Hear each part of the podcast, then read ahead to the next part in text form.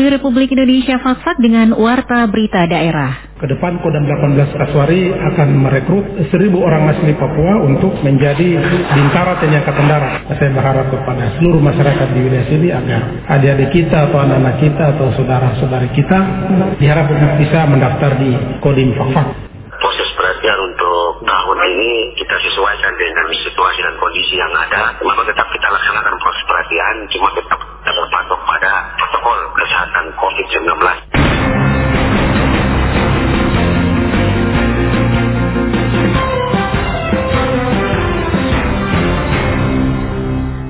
Sari Berita, KPU Kabupaten Fakfak mulai Jumat kemarin hingga Minggu 6 September besok menerima pendaftaran bakal pasangan calon bupati dan wakil bupati pada pemilihan kepala daerah tahun 2020. Kodam 18 Kaswari berencana menyelenggarakan proses penerimaan calon prajurit Bintara dari program pemerintah untuk Papua yaitu otonomi khusus sejumlah seribu orang prajurit TNI AD.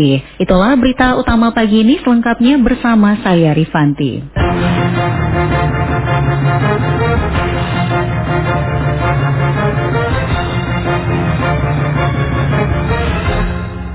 Saudara Komisi Pemilihan Umum KPU Kabupaten Fakfak mulai Jumat kemarin hingga Minggu 6 September besok menerima pendaftaran bakal pasangan calon bupati dan wakil bupati pada pemilihan kepala daerah tahun 2020. Ketua KPU di Huru Dekri Raja Loa mengungkapkan pendaftaran bakal calon bupati dan wakil bupati Fakfak diatur dalam Undang-Undang Nomor 10 Tahun 2016 tentang pemilihan gubernur, bupati dan wali kota serta PKPU Nomor 5 Tahun 2020 tentang tahapan program dan jadwal pemilihan gubernur, wakil gubernur, bupati dan wakil bupati dan atau wali kota dan wakil wali kota tahun 2020.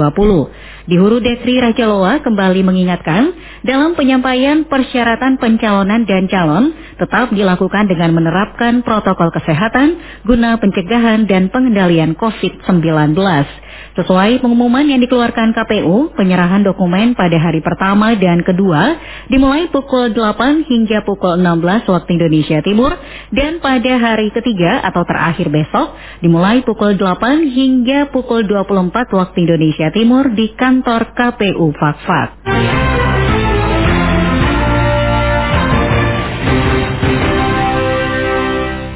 Kodam 18 Kasuari berencana menyelenggarakan proses penerimaan calon prajurit Bintara dari program pemerintah untuk Papua yaitu otonomi khusus sejumlah seribu orang prajurit TNI AD dengan alokasi calon yang berasal dari seluruh kabupaten dan kota di seluruh wilayah Papua Barat. Hal tersebut disampaikan Pangdam 18 Kasuari, Majen TNI Ali Hamdan Bogra saat melakukan kunjungan kerja di Fakfak. Dikatakan dirinya akan terus memantau perkembangan perekrutan tersebut walau sudah berada pada tempat tugas baru yakni di Mabesat. Menurut Pangdam, dirinya akan memastikan bahwa yang ikut penerimaan calon Bintara ini adalah putra-putri asli Papua. Ke depan Kodam 18 Kaswari akan merekrut seribu orang asli Papua untuk menjadi bintara TNI Angkatan. Oleh karenanya saya berharap kepada seluruh masyarakat di wilayah sini agar adik-adik kita atau anak-anak kita atau saudara-saudari kita, putra-putri yang memenuhi persyaratan diharap untuk bisa mendaftar di Kodim Fakfak. Di Kodim Fakfak ini akan kita tampung mungkin bisa lebih dari 100 orang asli Papua. Oleh karenanya saya juga mungkin berpesan kepada Bapak Bupati apabila nanti saya sudah berada di Jakarta saya tetap akan ikut memantau. Kemarin juga dari Mabes Mabes juga sudah menyampaikan apabila saya sudah pindah ke sana ya. Karena mungkin program ini masih bersinggungan dengan semacam keinginan ya minat saya untuk mendorong adik-adik jadi mungkin saya akan diberi kesempatan juga mungkin untuk meninjau ke sini. Untuk meyakinkan agar mereka betul-betul murni anak-anak negeri yang akan kelak kita rekrut untuk menjadi prajurit TNI Angkatan Darat. Harapan saya adik-adik kita yang fisiknya bagus, mudah-mudahan banyak yang bisa kita masukkan mereka ke Kopassus, kemudian kita masukkan mereka ke Kostrad, sehingga adik-adik kita atau anak-anak kita banyak juga yang satuan-satuan elit TNI Angkatan Darat. Jadi apabila ada permasalahan-permasalahan yang timbul di daerah, mudah-mudahan adik-adik ini kelak yang akan kita tugaskan ke sini untuk menyelesaikan masalah apabila ada masalah. Itu adalah cita-cita dan keinginan saya agar ke depan adik-adik kita ini mereka bisa datang membangun kampung mereka sendiri kalau di sini di sana ada orang kokas yang kita rekrut sekian orang yang mudah-mudahan ke depan di sana babinsa babinsanya mungkin banyak orang kokas. Namanya orang Tanama ya berarti mudah-mudahan ke depan dia akan kembali menjadi babinsa di Tanama cita-cita kita ke depan seperti begitu. Jadi anak-anak ini kita rekrut tujuannya ke depan adalah mereka akan kembali menjaga keamanan di negerinya masing-masing. Menurut Majen TNI Ali Hamdan Bogra, perekrutan tersebut tidak dipungut biaya dalam artian murni tanpa bayaran untuk peserta dapat lolos. Oleh sebab itu, ia berharap kepada para orang tua untuk mempersiapkan anak-anaknya untuk ikut dalam perekrutan dimaksud. Untuk Kabupaten Fakfak, penerimaan Bintara TNI tersebut telah dibuka dan peserta dapat langsung mendaftarkan diri di Kodim 1803 Fakfak. Penerimaan ini sesuai rencana akan berakhir pada 30 September 2020.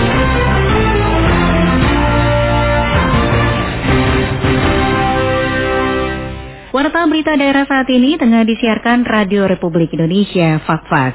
Saudara proses kegiatan belajar mengajar PKBM Anur Fakfak di tengah pandemi COVID-19 dilakukan dengan dua cara, yakni melalui daring dan tatap muka. Berikut laporannya. Proses kegiatan belajar mengajar di PKB Manufakfak tahun ajaran 2020-2021 telah berlangsung pada bulan Juli tahun 2020. Tentunya proses belajar mengajar di pendidikan non formal pada PKB Manufakfak pada tahun ini sangat berbeda dengan tahun-tahun sebelumnya, di mana pada tahun ini KBM berlangsung pada pandemi COVID-19.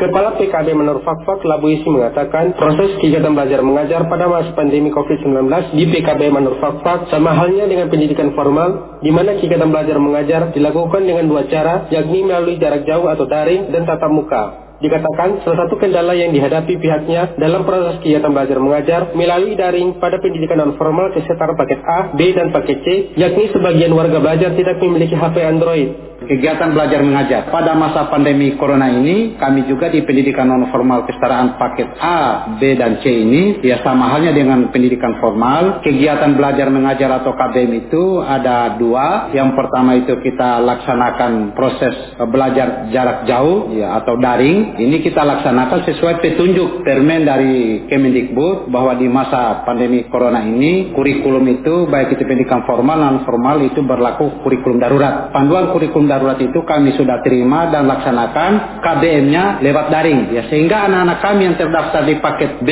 paket C, bahkan juga paket A yaitu BOP yang kami terima kami juga berikan pulsa dan mereka menerima belajar itu jarak jauh di WA ya dikasih tugas-tugas khusus oleh tutor yang mengajar pada paket A, paket B maupun paket C. Sementara untuk KBM yang tetap muka di PKBM Nerfakfak akan disesuaikan dengan surat edaran yang dikeluarkan oleh Dinas Pendidikan Pemuda dan Olahraga Kabupaten Fakfak, baik itu proses kegiatan belajar mengajar menggunakan shift maupun memperhatikan protokoler pencegahan COVID-19. Ya di Fakfak sekarang ini dari Dinas Pendidikan sudah ada surat edaran bisa kita membuka pembelajaran ya dengan sistem terbatas ya mengikuti protokoler corona. Ya kami juga di PKB Manur menyelenggarakan itu. Artinya kita panggil hasil warga belajar ini ya kami laksanakan rombel belajar itu kita bagi dua artinya secara bersif ya yang tadinya misalnya KBM-nya itu untuk paket B misalnya tiga kali seminggu paket C juga begitu tiga kali seminggu satu rombel itu kita bagi dua. Karena artinya kan sekarang ini protokol corona itu artinya tidak boleh berkerumun terlalu banyak Itu menambahkan, selain sebagai warga belajar tidak memiliki HP Android, kendala lain yang dihadapi pihaknya selama proses KBM melalui daring atau jarak jauh di antaranya, para tutor tidak dapat mengontrol secara langsung warga belajar di rumah, apakah warga belajar tersebut proaktif dalam menerima pelajaran, serta kurang adanya perhatian dari orang tua di rumah bahwa KBM daring ini ya jangankan kami di pendidikan non formal, di pendidikan formal juga ada kendala-kendalanya. Yang pertama itu tutor ya tidak bisa mengontrol langsung apakah warga belajar ini aktif ya atau mungkin ya pasif saja dalam menerima KBM ini. Karena biasanya mereka ya lihat HP-nya ya karena memang sentuhan belajar ini tidak cukup hanya mengirim kata-kata WA kepada warga belajar untuk dia belajar sendiri. Ternyata perlu sentuhan ya komunikasi interaktif yang aktif antara tutor dengan warga belajar. Jadi kendalanya itu adalah mereka tidak tidak aktif, tidak proaktif untuk melaksanakan KBM secara mandiri. Sedangkan jumlah warga belajar yang terdaftar di PKB Anur Fakfak pada tahun pembelajaran 2020-2021 untuk paket A sebanyak 16 orang, paket B 65 orang, dan paket C 43 orang. Ia juga berharap kepada warga belajar yang terdaftar di PKB Anur Fakfak agar tetap semangat dalam mengikuti kegiatan belajar mengajar di masa pandemi COVID-19, baik melalui daring atau jarak jauh maupun melalui tatap muka, sehingga ilmu dan pengetahuan yang didapatkan dapat berguna dan bermanfaat bagi masa depan semua warga belajar. Januari Sumardi melaporkan.